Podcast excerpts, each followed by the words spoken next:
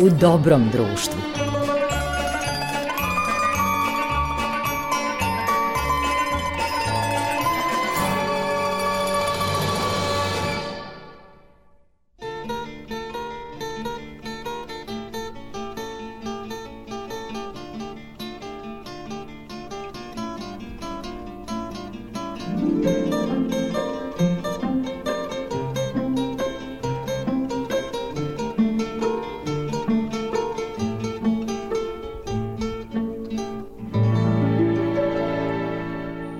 Slušalci, dobrodošli u novo izdanje emisije U dobrom društvu. Sa vama je i ovoga puta Marica Jung koja tonski uobličava ovaj razgovor i Goran Vukčević, vaš domaćin i urednik emisije. Ovoga puta u dobrom smo društvu rektora Bogoslovije Svetog Ćirila i Metodija u Prizrenu. Ova naša obrazovna ustanova prošle godine obeležila je 160 godina svoga postojanja. Njen ktitor bio je jedan od najvećih dobrotvora koji je u svojoj istoriji srpski narod imao. U pitanju je Sima Igumanov Prizrenac.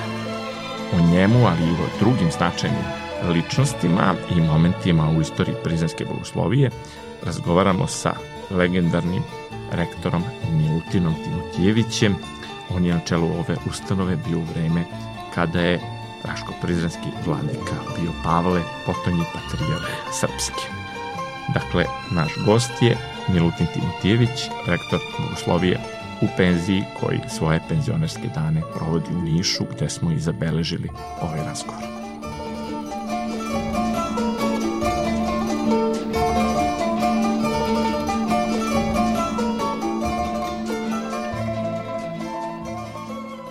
Pomaže Bog oče Milutine.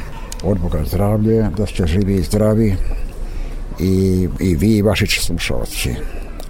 Hvala vam najlepše što gostujete u emisiji koja je naslovljena u dobrom društvu i ovde se smenjuju gosti i uvek je velika radost kada su i veliki duhovnici gosti i ljudi bogatog duhovnog i bogatog životnog iskustva kao što je vaše. Nisam siguran u sve to što ste kazali, ja samo sam čuo za velike duhovnike i neke sam i video i sa nekima sam i živeo. Ali te reči su te meni uputili prevazilaze moju glavu i taj venac spada dole, spada. Hvala vam najljepše. Hvala vam, ja sam vas i upoznao kao skromnog. E, moram da kažem slušalcima da smo se mi upoznali pa skoro pre 30 godina. Da, jeste. Stvari, to je bila 92. godina i snimali smo emisiju ispred Prizrenske bogoslovije u Prizrenu i u, u manastiru Svetih Arhangela, da, tada još uvek samo u ruševinama. Jeste, jeste, da, to je bilo nešto novo za to vreme i veličanstveno, nešto što je probijelo led i što je činilo da mi svi osjetimo da dolazi neko južno vreme gde se onaj mrazovi polako uh, nestaju i tako umislim na duhovnom planu. Jeste, imao sam veliki blagoslov i veliku čast da radim Bukvar pravoslava koji je bio prva saradnja naše crkve i televizije posle godina neverija kada se vera gledala kao nešto zaostalo, prevaziđeno i, i ograničeno i neki duh vremena je tada počeo zaista da se menja. Da, to je bilo dobro vreme, ali blagodareći prvo jednom velikom i snažnom autoritetu Vladike Bačkoga i Rideja i sa druge strane dobre volje televizije Novosadske koja je uspela to da uradi i to maestralno. I cela ekipa zaslužuje jednu veliku pohvalu. Hvala najlepše u ime kolega i u moje ime. I zaista uh, episkop Bački je bio tu glavni pokretač i, i svi smo išli e, za tim kormilom. I imao sam radost da vas sretnem upravo na predlog episkopa Bačkog, da jednu epizodu snimimo sa vama, to su bili počeci sami Bukvara. Bukvar je posle dogurao da. do 130 epizoda. Da, to su bili tačno počeci i tema je bila nešto iz starog zaveta oko psaltira, razume se, i koji je ukazivo na novi zavet, na centralno ništo svih svetova i centralnu ličnost celokupnog vremena, a to je Bogočeve Hristos, koji je bio najavljen u Starome Zavetu, koji je najavljen bio u svim narodima sveta i van svetoga pisma. To je bilo ono seme logosa koje je bilo posejano po dušama svih ljudi koji su ga očekivali i zaista on je došao i spasao rod ljudski i omogućio svima nama koji smo pošli za njim da se spasemo, a u isto vreme i priziva sve. Bogod hoće da bude Hristov, to znači da zadobije život. A kažite mi, oče Milutine, od kada, kada ste vi vezani za Prizren i za Bogosloviju? Ja sam došao u Prizrensku Bogosloviju 49. 1949. godine u prvi razred Bogoslovije.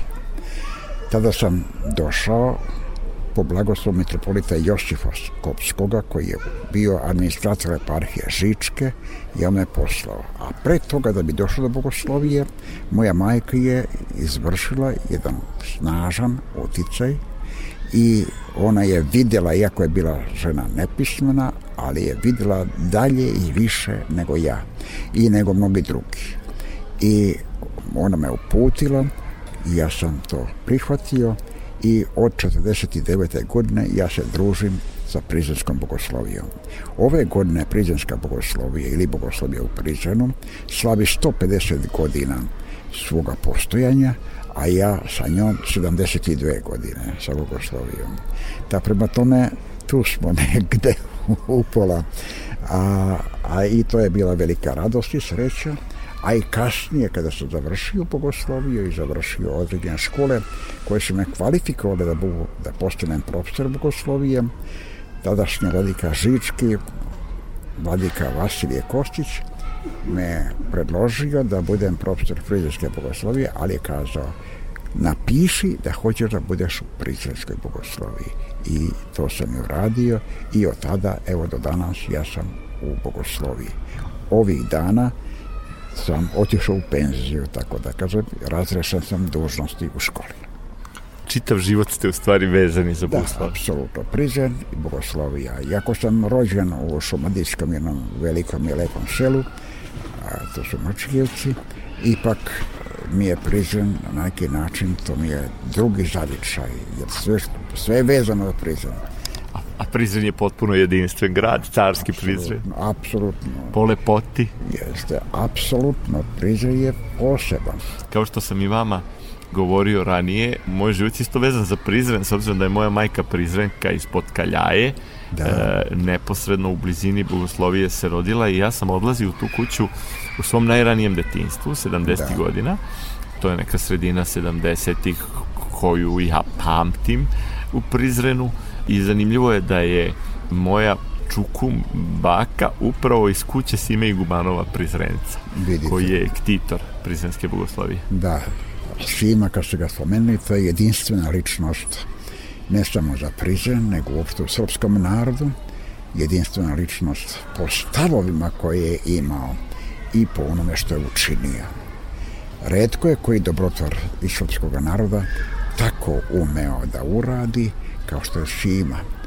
Karakteristično je to. Imamo mi mnogo dobrotvora u srpskom narodu. Ajde da pomenu Kolarca, da Spasića i tako dalje u Beogradu da poznate, Miša Nastasijevića, ali niko nije tako uradio kao što je on uradio. To jest, ono što je hteo da učini, on je to uradio i stavio u ruke prve ličnosti srpske crkve i na taj način stavio u najpoštenije i najsigurnije ruke koje će tu njegovu zadužbinu očuvati i sačuvati, a to je Prizrenska bogoslovija sa svojom zadužbinom u Beogradu, to je to jedinstveno i posmatramo ih jedinstveno zbog toga što je bogoslovija bila potrošač onoga što zadužbina zarađivala i na taj način, tako da kažem, bukvalno proizvodila bogoslove, to je sveštenike, a ti sveštenici opet svaki se molio Bogu za ktitora prizanske bogoslovije.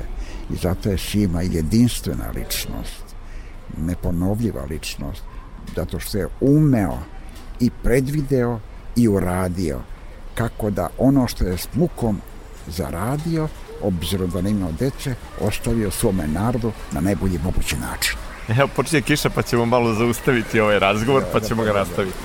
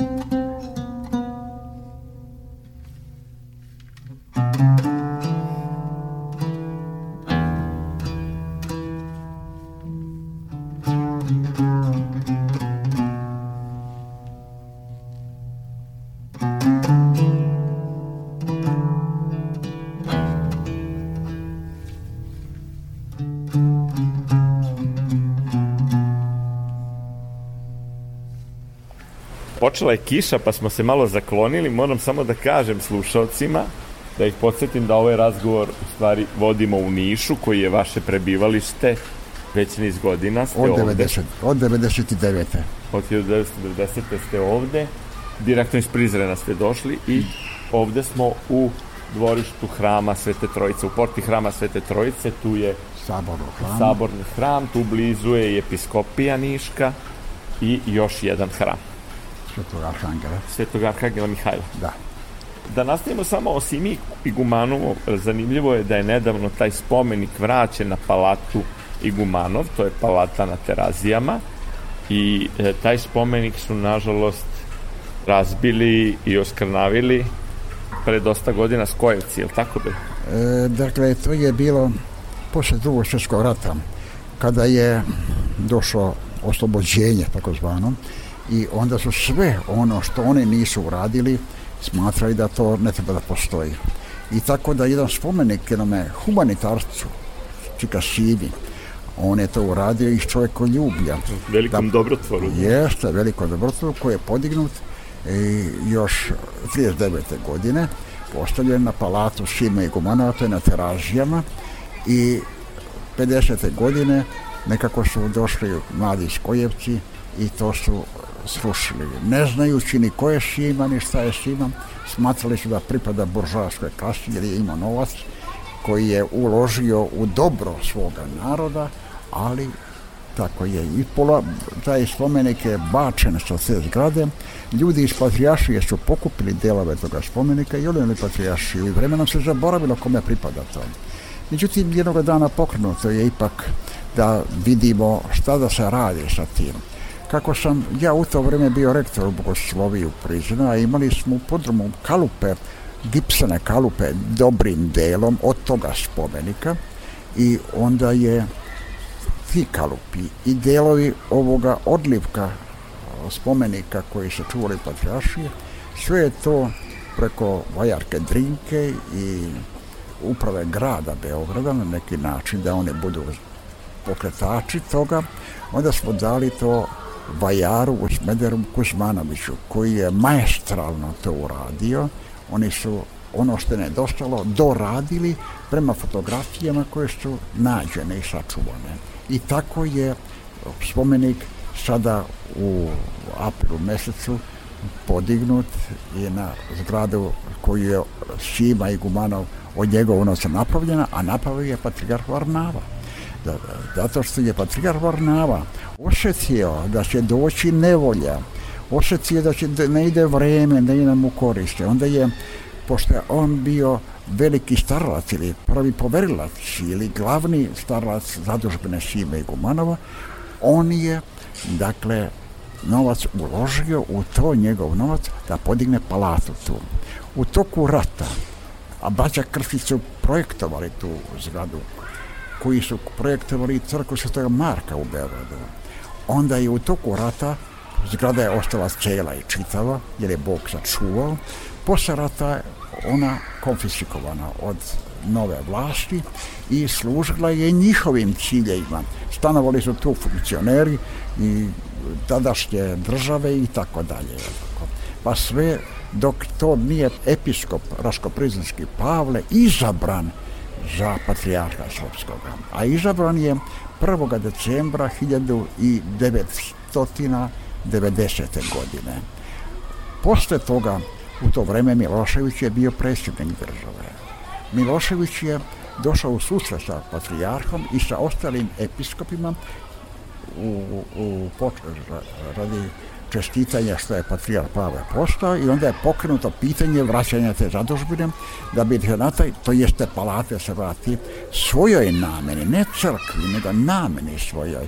Jer je Šiva u testamentu ostavio da ona bude samostalna ustanova koja će imati trostruku delatnost. Prva je da očuva sebe samu, a druga je da izdržava bogosloviju u Prizrenu, i treća je da školuje ili stipendira decu iz stare Srbije. To bi danas se poklapalo sa Kosovo i Metohijom, iako je stara Srbija širi pojam od Kosova i Metohije. Da tu decu pomogne da se oni školuju, jer to je bilo sve teška i pusta sirotinja. A Šima je znao, pošto je živeo i u Carigradu, Istanbulu, živeo u Prizanu, živeo u Slobodnoj Rusiji i tako imao je evropske tako razmere sagledavanja, znaju da nikakva ustanova ne može dobro da cveti da radi u Turskoj, zato je on ostavio ovo da bude u Beogradu, a da odatle se pomaže bogoslovija koja je bila u Turskoj imperija, prizan je sve do 1912. godine bio Turska. I tako je to divno živelo i radilo se. E tek posle drugog svjetskog rata je to sve oduzeto, umanjeno, smanjeno i tako reći postojala je zadužbina na papiru, ali ne u onoj svrsi u kojoj je trebalo da postoji, a to znači trebalo je da radi svoj posao, ali nije se moglo.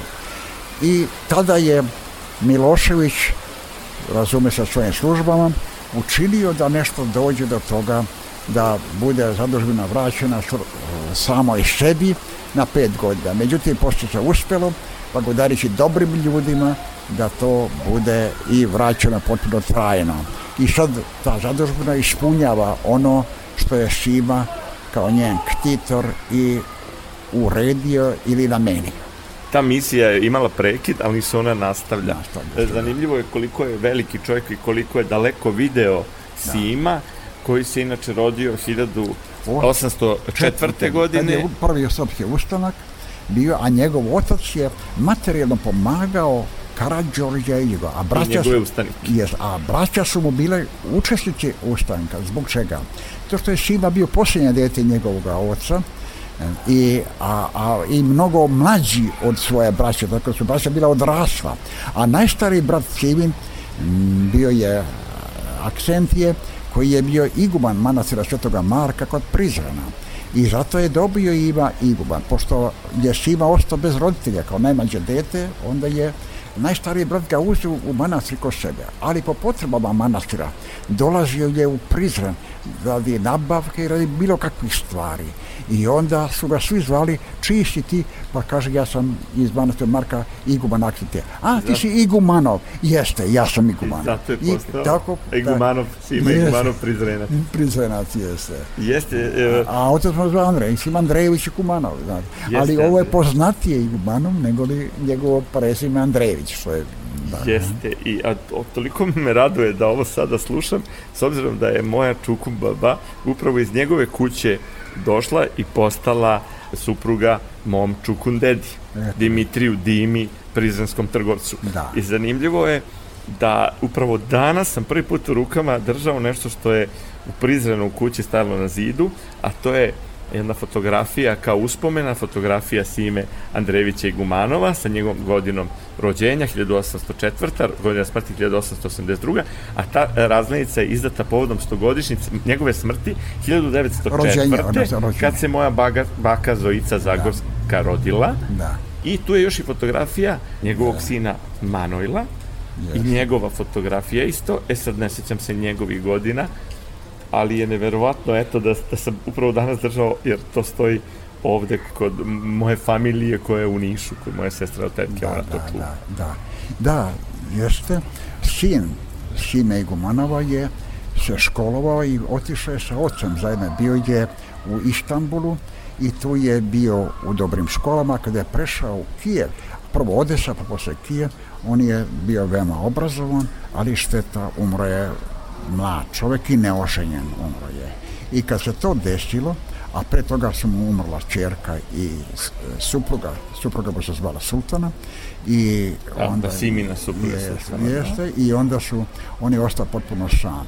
On je klonuo tada, ali je poslao jednog dobroga čoveka Iliju Stavrića koji je bio rodom iz Bosanske krajine, odnosno otada, koji je bio mu umesto sina i došao je u Bogosloviju, prvo bio profesor Bogoslovije, a onda je posle bio i upravitelj, odnosno rektor Bogoslovije jedno vreme, a bio je prekrasan i znao je šta svima voli, šta želi, a on je bio veoma obrazovan čovjek, tako da je on, pored toga što je držao bogoslovi veoma dobro, a onda je pokrenuo jedan časopis, odnosno novine na dva jezika u, u to se novine se zvale Prizren na turskom i srpskom jeziku. I na taj način je čuvao Prizren od nasrtaja bugarske propagande koji su htjeli pošto potom da Prizren prisvoje pred svjetskom javnošću da je on deo bugarske teritorije po Turcima. Jer oni su toliko borili osobito bugarska propaganda bila veoma jaka posle 1870. godine kad su ustanovili svoju bugarsku egzarhiju. Što god mogli da učine, oni su učinili i vojno, i politički, i propagandno, i tako, da taj, te delove koje se danas nalaze u Makedoniji, Južnoj Srbiji, Kosovo i Metohiji, da, da pribroje e, Bugarskoj. Međutim, Ilija Stavrić je veoma to dobro razumeo i izdaje za to novine i sada kad su se Bugaraši tražili da kaže to je Prizren, a onda dođe to do turskog paše, a paša uzme te novine a jednom je čoveku na pijaci kaže, čitaj. On počne čitati. Razumeš? Razumem. A šta si ti? Srbin. Pa onda ovo srpski. Srbina. Srbija je ovo. I eto tako. Vidite kako se moraju ljudi da brane svoj srpski obraz, srpski jezik, srpsko pismo i srpsko postojanje na, u staroj Srbiji. Ja, hvala vam, ovo je bio čast istorije.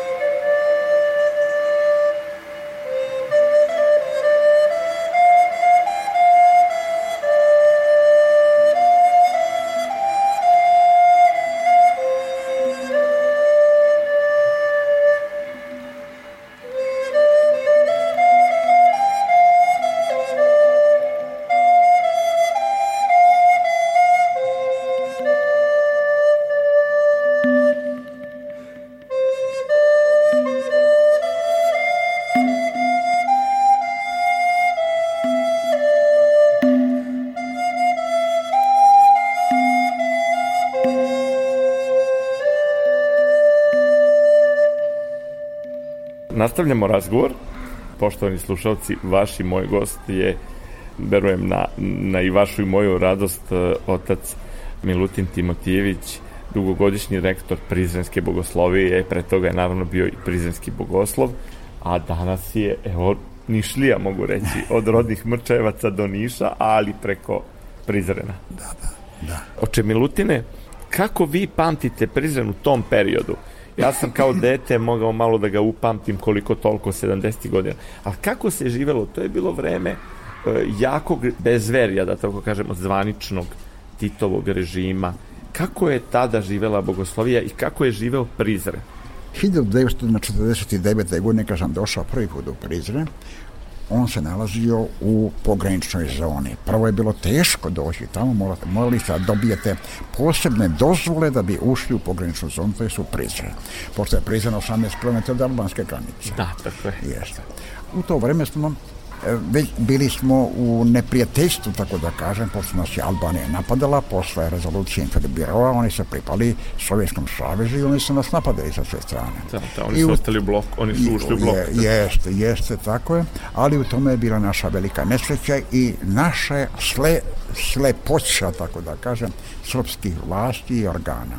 Onda su se Albanci otuda, kao da se ne slažu sa režimom Envera Hođe, onda su kao bežali, a bežali preko granice sa stokom i sa celokupnim pokuštvom, a tako se ne beži preko granice, to znači to je namerno bilo da preseljenje. preseljenje, a naše vlasti su to velikodušno prihvatale jer su imale čim e, pre toga je bio zabranjen povratak Srbima na, na Kosovo i Metohiju. Da, i to je ono što je strašno. Jeste. Ti, ti ljudi su došli veoma siromašni, mnogi su im prezrenci tada pomogli, a onda su oni, da tako kažem, u 90-ih činili brojne e, zločine, pa vrlo često i prema porodicama onih koji su ih tada pomogli. To sam čuo mnogo, prizredno. Mnogo svega, mno, mnogo koje čega je bilo i razume se uvek na neki način gubili smo tu. Na našu štetu. Nismo, jeste, nismo imali daleka viđenja i bolja viđenja. I radili smo nismo, protiv sebe. Da, zato što smo mi koji smo bili ostali Srbi, bili Srbi i verujući. Mi smo imali napad sa dve strane. Dakle, od naših ljudi, od Srba i Crnogoraca, vani, dakle, na ideološkoj osnovi, a od komšija naših Albanaca na nacionalnoj osnovi. Tako da verujući narod bio je sa dve strane stešnjen, a taj narod je jedino i čuvao ime srpskog naroda neokaljeno i čuvao je i kulturu toga naroda očuvajući mnoge zadužbine u prizrenu. A njih je bilo tada 26 e, tako u prizrenu čiji su temelji sačuvani. Imamo još imena i drugih nekih, ali je tačno 26 bilo. Zamislite, 26 crka u jednom gradiću malo. Nije bio male ali, za one pojmove, ali mali za naše pojmove. Da, ali pravi srpski Jerusalim je, je, je tačno, baš tako, baš tako jeste. A među njima dovoljno je samo da je govorio o Bogorici Ljeviškoj, čije freske su početkom 14. veka na takvoj visini kao što su Sopoćani u 13. veku ili kao što je Manasije u 15. veku.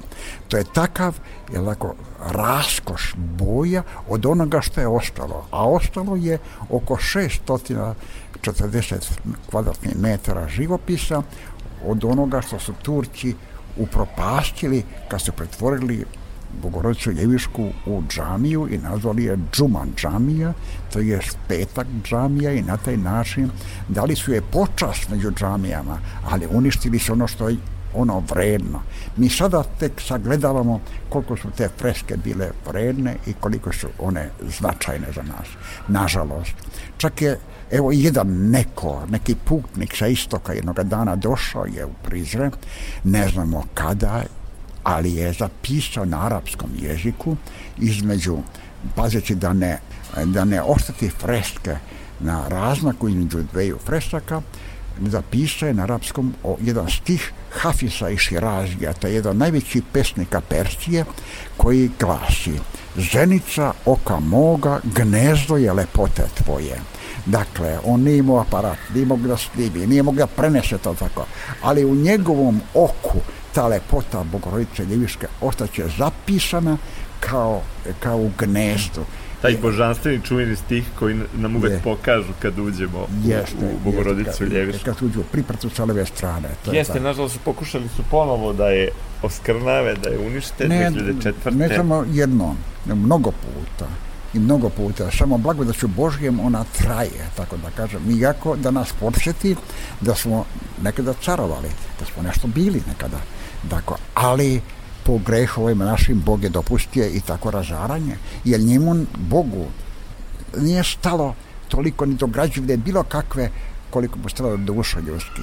A ako Srbi gube svoju dušu i počnu konstantno da greše i da ratuju sa Bogom, onda Bog neće da sačuva tu zadužbinu ono čime on im, čime Srbi imaju legitimitet pre svetom da su tu postali i dolaze sad neki novi narodi koji nemaju ni biografiju, ni istoriju, ni tim šta i oni sada se šire na tom prostoru po gde, dopuštenju Božje zbog grehova naših da, nažalost, mnogo me rastužilo što je što je stradao i onaj bor u Nerodimlju. Da, jeste. Kod, da. E, to je blizina uh, Uroševca, Uroševca, da, da, da. Jeste, tu je, tu su bili... To je sad Ferizaj. Jeste, jeste, tu su bili dvori cara Dušana, to je crkva i taj bor ostoje dugo je, ja sam ga video dok je bio još. Tako. To je ona iz pesme Rasti, je, Rasti moj zelene.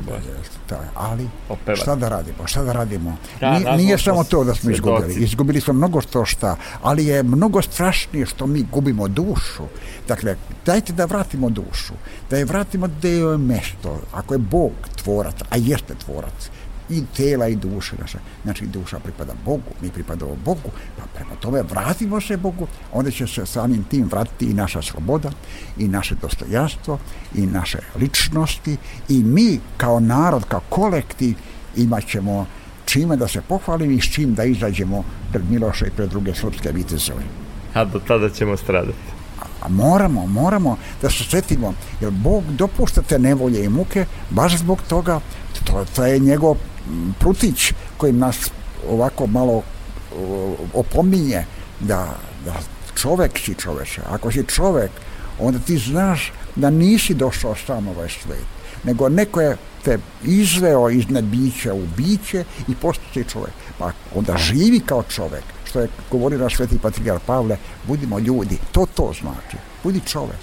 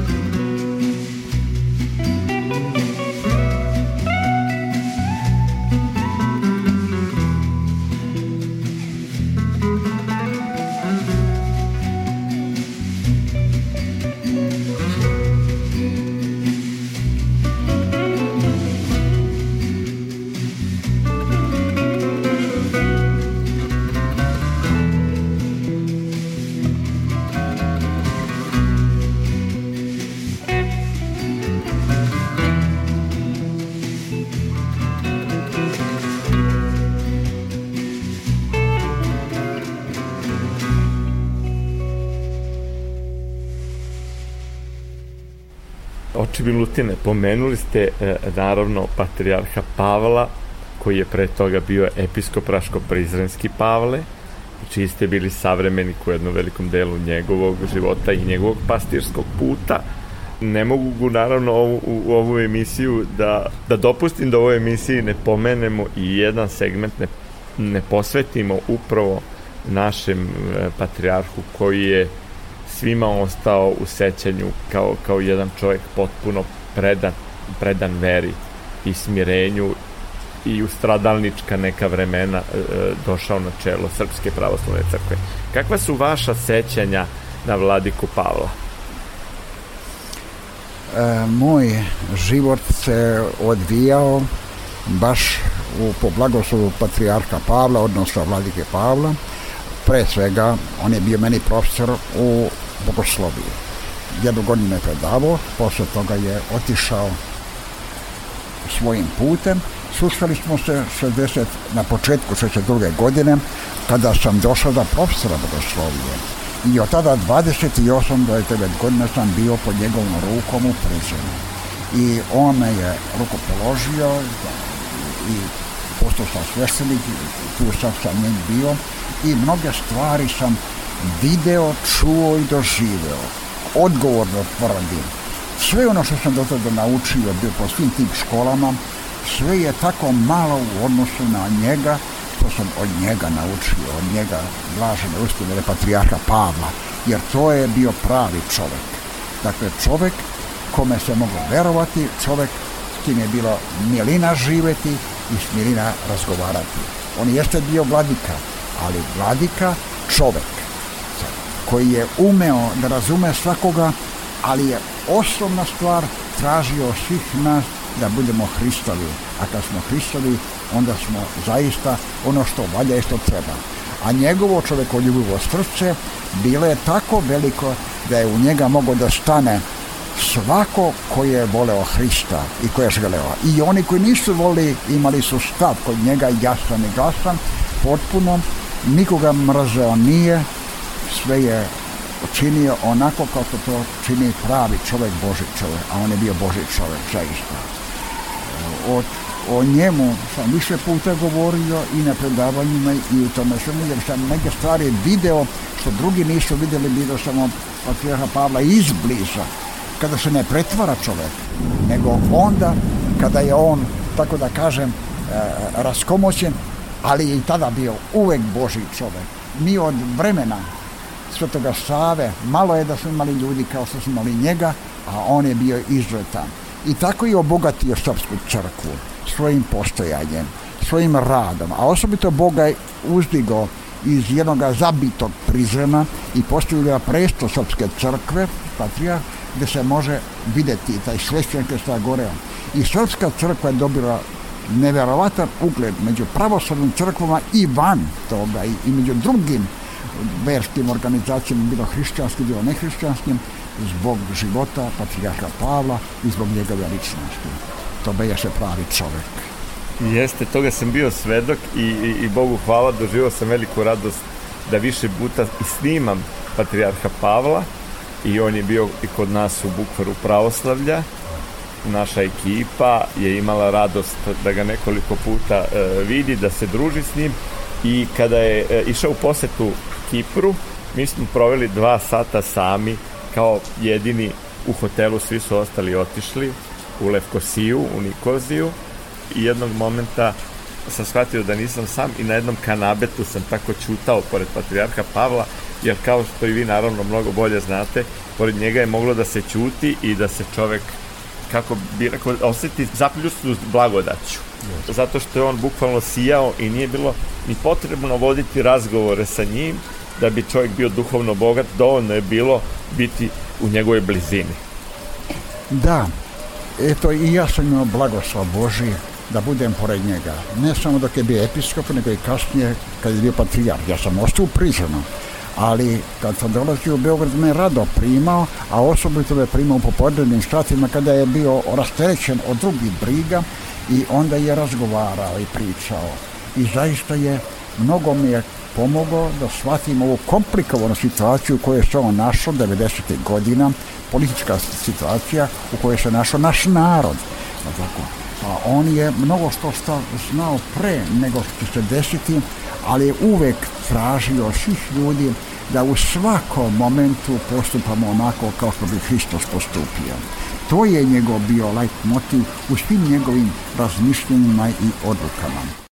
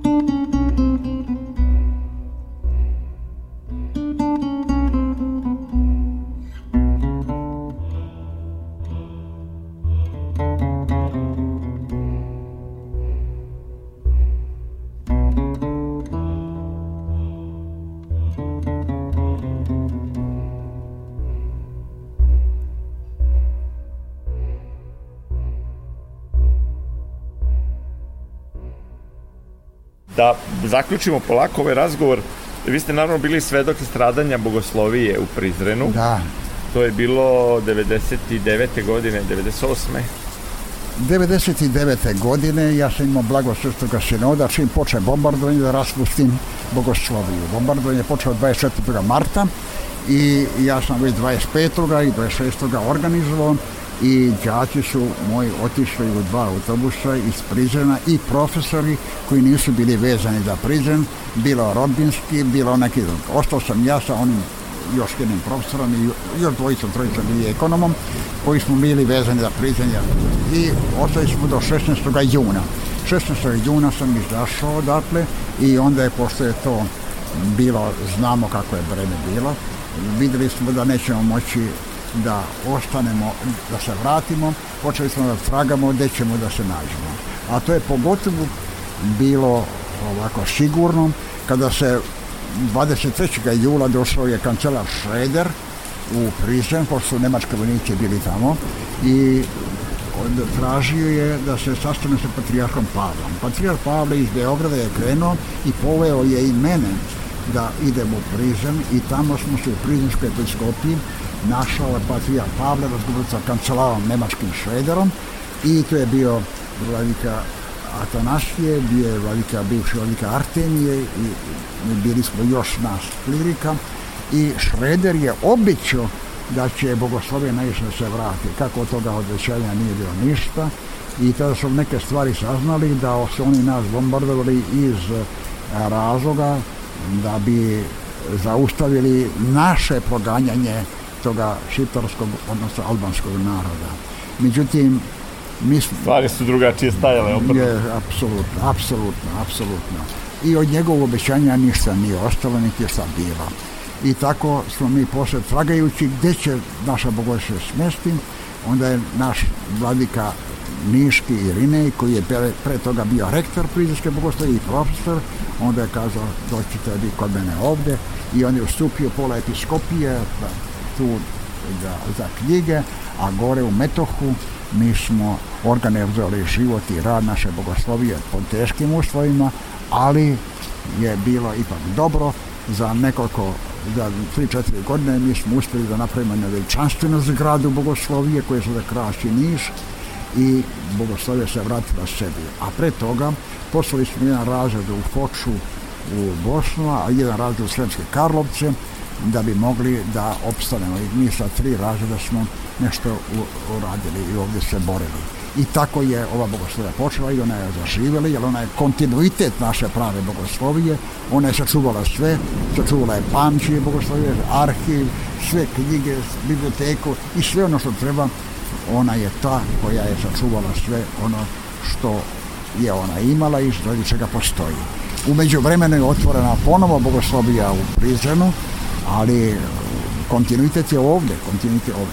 Sada imamo dve bogoslovije na dva mesta, jedna u Prizrenu, novo otvorena i ova koja nikada nije prekidala sa radom, obe su prizrenske, obe su srtavan Kirli, metodija, obe su vezane za zadužbenu Sima Igumanova i obe žive i rade. Neprijatelji su htjeli da nas unište, da nema ni jedna, međutim Bogu množi pa dve sad bogoslovije sa istim imenom, prezimenom, sa istim eh, osnivačem i sa istim izdržavaocem koji izdržava Hvala vam najlepše, bilo mi je zaista divno. Evo, kiša ne prestaje, ali evo, mi smo, mi smo došli do, do kraja ove emisije. Ovo je zaista, kako bih rekao, zlata vredna ispovest i ja bih e, voleo da se, da se ponovo sretnemo i snimimo još jednu emisiju za televiziju kao nekad pre 30 godina sa, sa vašim sećanjima uz bogate ilustracije. Mnogo toga je nažalost otišlo u plamenu, verovatno, ali uvek možemo ponešto naći. Hvala vam najlepše, dobro zdravlje vam želim i blagoslovite. Hvala. Hvala i vama i vašim slušalcima koji su imali strpljenja da slušaju ovo našu, ovu priču, ali zaista je poučna. U Svetome pismu kaže opomenut se starih dana i naučit se nešto. Treba da izvučemo neku pouku iz naše istorije, a i to na Sveto pismo upućuje. Pa zato ne treba da ponavljamo, treba neke stvari da uradimo, a prva stvar koju treba da uradimo da se vratimo Bogu, jedinome našem spasitelju i jedinom našem prijatelju. Nemamo drugog prijatelja ni spasitelja osim Boga našega. Hvala lepo, amin Živjeli. i na mnogo godina. Amin, živjeli. Zdravlje.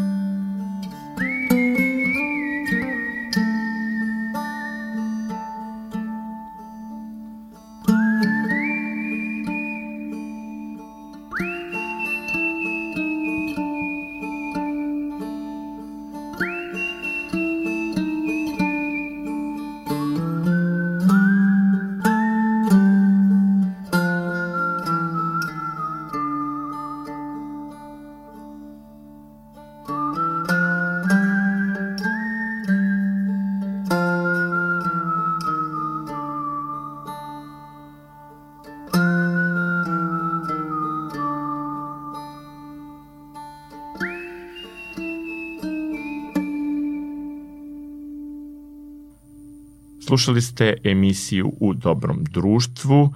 Naš i vaš gost bio je rektor Bogoslovije Svetog Ćirila i Metodija u Prizrenu, Milutin Timotijević, koji svoje penzionerske dane provodi u Nišu. Ovaj razgovor tonski je uobličila Marica Jung, a sa vama je bio urednik emisije Goran Vukčević. Mi vas u istom sastavu očekujemo i sledećeg petka u 21.05. Ponovo ćemo svi skupa biti u dobrom društvu. Do tada ovu emisiju možete slušati i pod opcijom odloženo slušanje na sajtu radiotelevizije Vojvodine rtv.rs kao i reprizu četvrtkom posle vesti u 16 časova. Prijatno ostanite u dobrom društvu. Thank you.